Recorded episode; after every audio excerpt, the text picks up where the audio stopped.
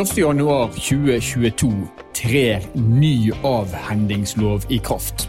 Og en avhendingslov det er altså en lov som regulerer forholdet mellom kjøper og selger når man snakker om eiendom. Altså bolig eller næringseiendom. Men hva er det som er nytt? Det skal du få et lite innblikk i nå. Dette er Nord-Norge i verden. Mitt navn er Stein Vidar Loftaas.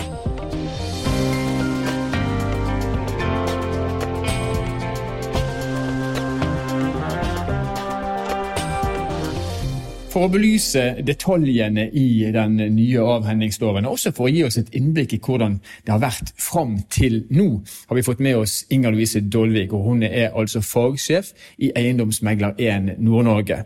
Og Velkommen til oss, Inger Louise. Takk for det. Hva er egentlig en avhendingslov, og hva regulerer den? Nei, Den er jo for å eh, ivareta bl.a. hva er det den regulerer, hva, mm. hvilke rettigheter kjøperne har når det oppstår bl.a. tvister, mm. diskusjoner. Mm. Ja. Og nå får vi en helt ny lov. Hvorfor det? Ja, Nå blir det en del endringer, og det er jo litt fordi at vi har sett at den loven som har vært, eh, den har ikke gitt ønska effekt i forhold til å få ned konfliktnivået ved kjøp og salg av eh, boliger. Eh, det har vært veldig høyt, og nå trenger vi eh, endringer for å regulere og få noe som blir mer forebyggende for de konfliktene som har vært. Ja, konfliktene har vært, Og det har vært mange? Det har vært veldig mange. Ja. Det har vært små og store saker. Vil du si at dagens lov, eller det ligger kanskje implisitt i det du sier, men jeg spør allikevel, har den vært for dårlig? Eh, nei, jeg tenker vel egentlig at eh, Loven har vel ikke vært for dårlig, men den har eh, medført at kjøperne kanskje har hatt en langt større forventning til boligen enn som er reelt. Altså hva som har vært boligens reelle tilstand. Mm. Har ikke svart til forventningene, og dermed så oppstår det ja, misnøye, rett og slett. Mm. Ja, I litt for stor grad? Ja, i altfor stor grad. Hva er det da som spesifikt er nytt i den nye loven? Eh, det er jo at eh, ansvaret nå i mye, mye større grad blir flytta fra kjøperne eh, og over til selger. Mm. Det er jo selger som kjenner boligen best, og er den som er best til å gi riktige opplysninger som setter kjøper i stand til å fatte riktige beslutninger og få ei forventning som er i samsvar med det som er reelt, og det man kan forvente seg av boligen sånn som man er. Mm. Hvis, vi ser på dagens situasjon, for vi er jo ennå ikke i 2022. Loven gjelder fra 1.1. Eh, hva er det som, du, du, som ser dette her fra innsiden, si, hva er det som er de vanligste årsakene til at det oppstår eh, kan du si, tvist eller krav fra kjøper mot selger? Ja. Nei, eh, det er jo i grunnen både små og store ting. Men det er jo selvfølgelig disse største tingene som går på drenering, takkonstruksjoner, fukt og råte. Det er jo saker som ofte blir veldig dyr, veldig mm. Og så er det jo disse som går på eh, følelser og forventninger. Kjøperen har en forventning på kanskje mindre ting, eh, som gjør at man også reklamerer på de forholdene. Ja, Så både små og store ting, egentlig? Ja. ja.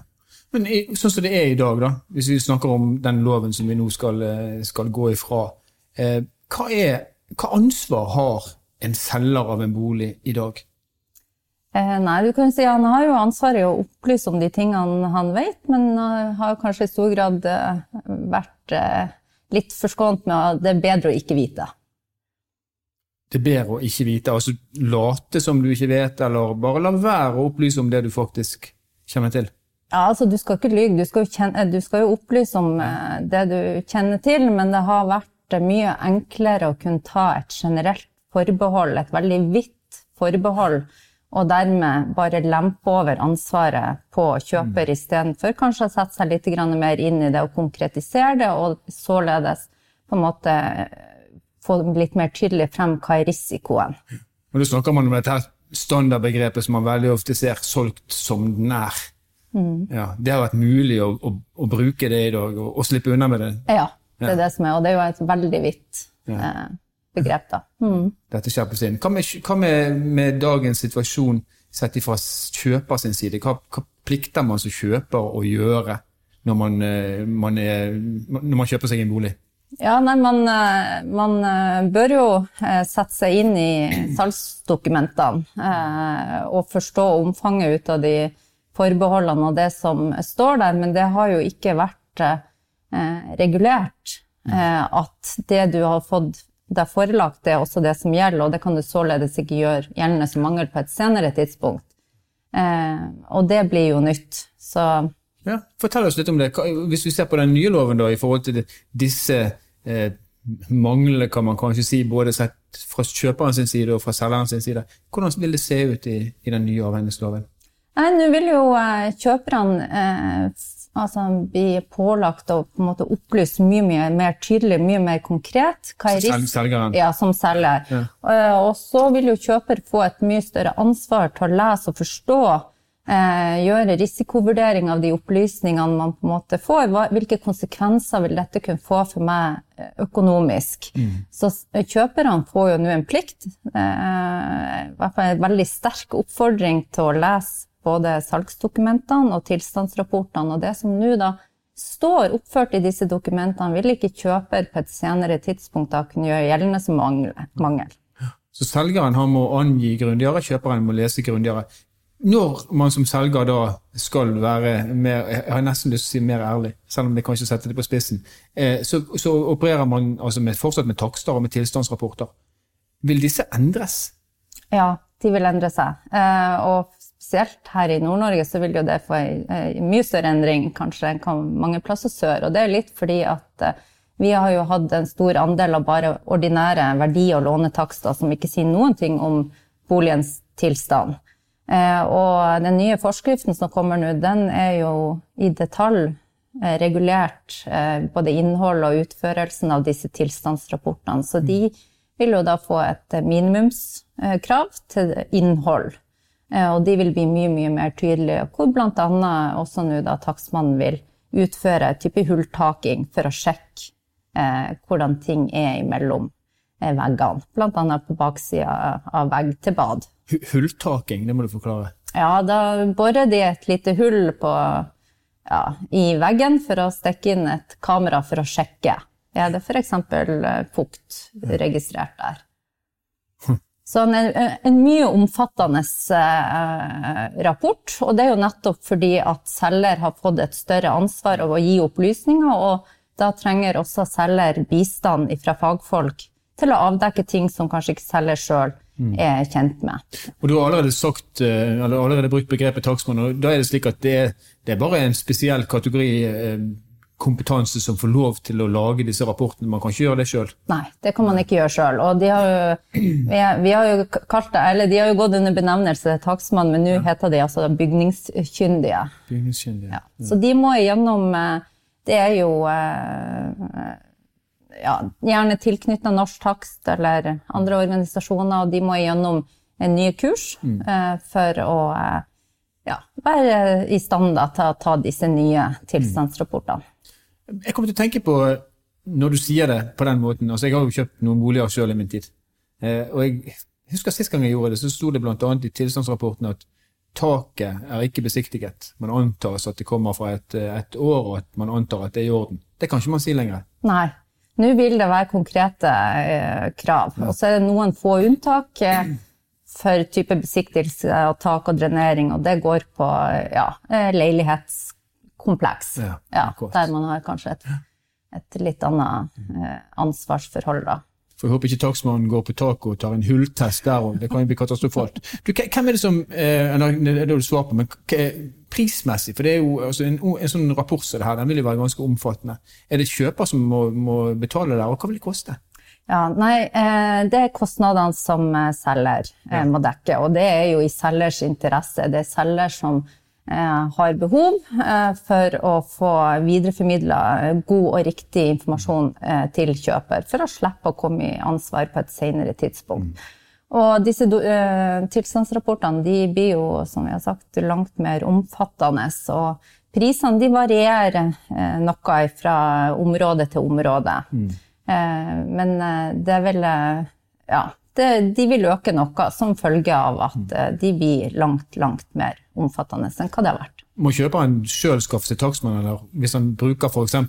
ditt selskap til å, til, å, til å, forestå salget, kan dere være behjelpelige med å skaffe takstmann, eller hvordan er det? Ja, vi er behjelpelige med det. Mm. Så vi eh, er tilknytta en takstmannspool som vi sender inn en bestilling når vi får et oppdrag. Og da kommer det kvalifiserte takstmenn som er godt utrusta til å ivareta de nye forskriftene og de nye kravene til tilstandsrapport. Hvor bra.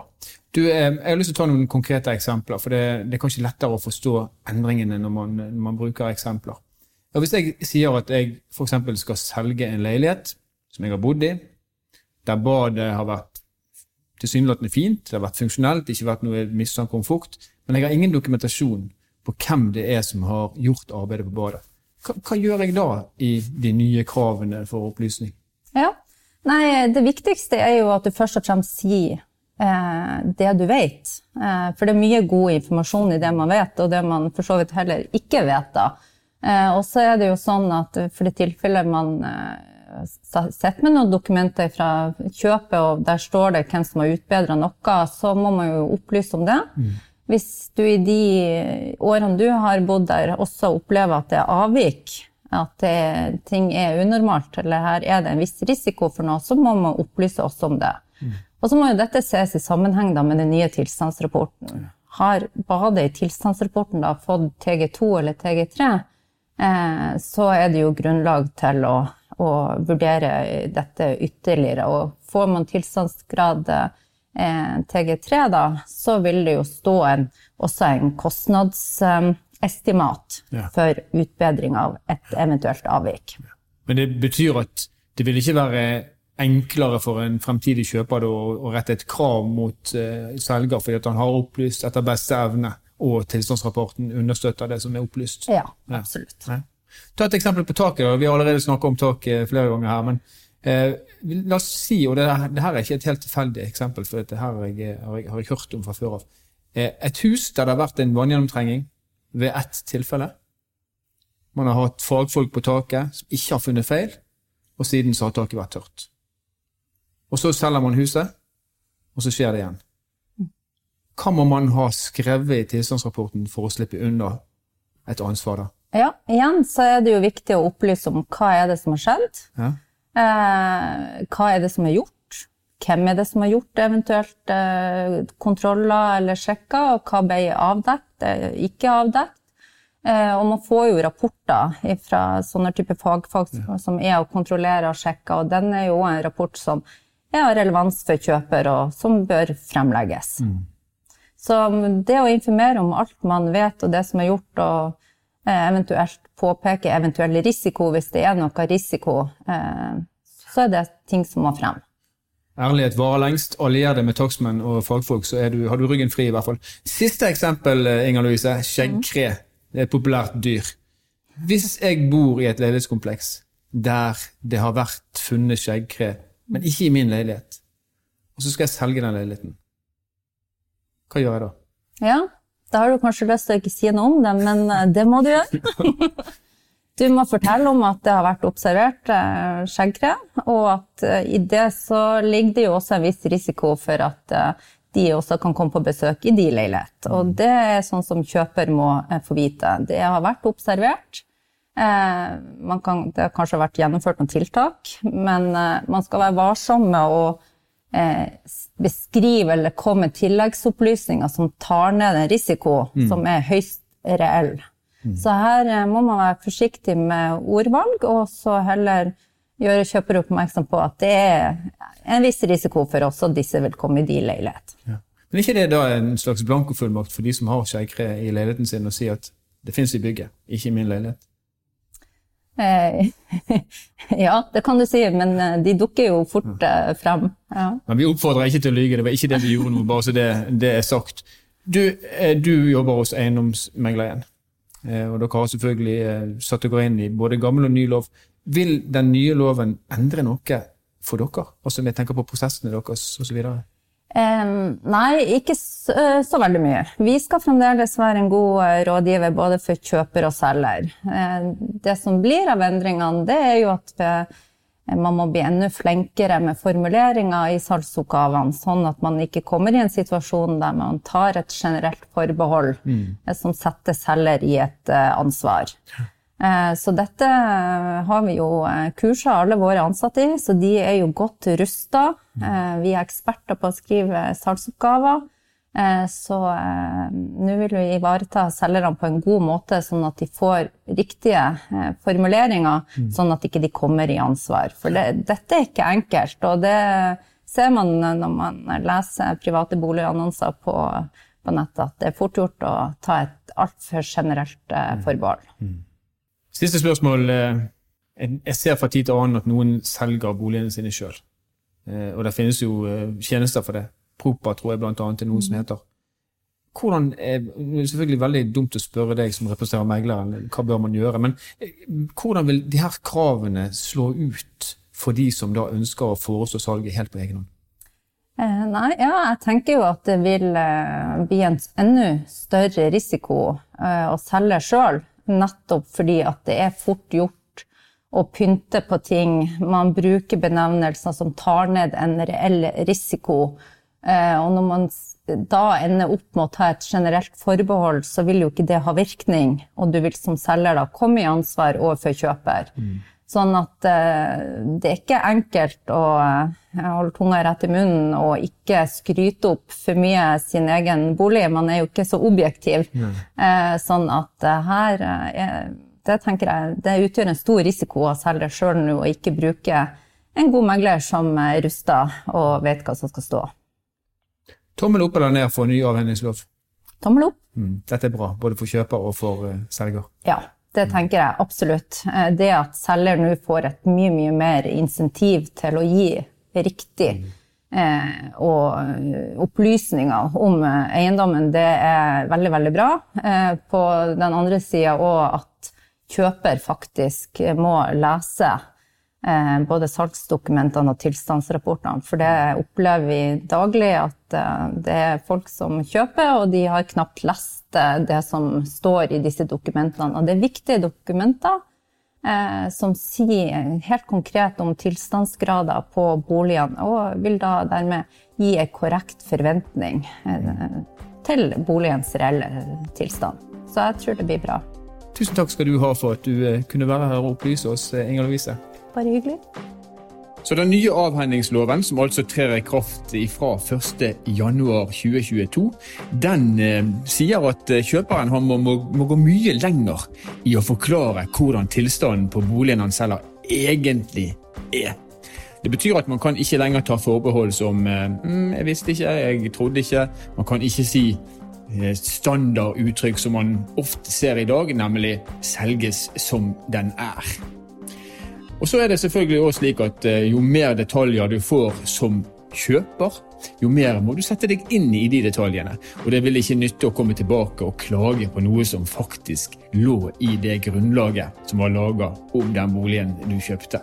Så skjerpa krav til selger først og fremst, men også skjerpa krav til kjøper. Og så vet vi at det er takstmennene eh, som tar eh, takster eller tilstandsrapporter, de må også gå mye lenger inn i materien når de skal dokumentere hvordan tilstanden på en bolig er. Dette gjelder altså fra 1.1.2022. Nord-Norge i verden er en podkastserie som er laga av Sparebank1 Nord-Norge i samarbeid med Helt Digital. Musikken du har hørt er laga av Emil Karlsen, og mitt navn er Stein Vidar Loftaas. Vi høres igjen i neste episode.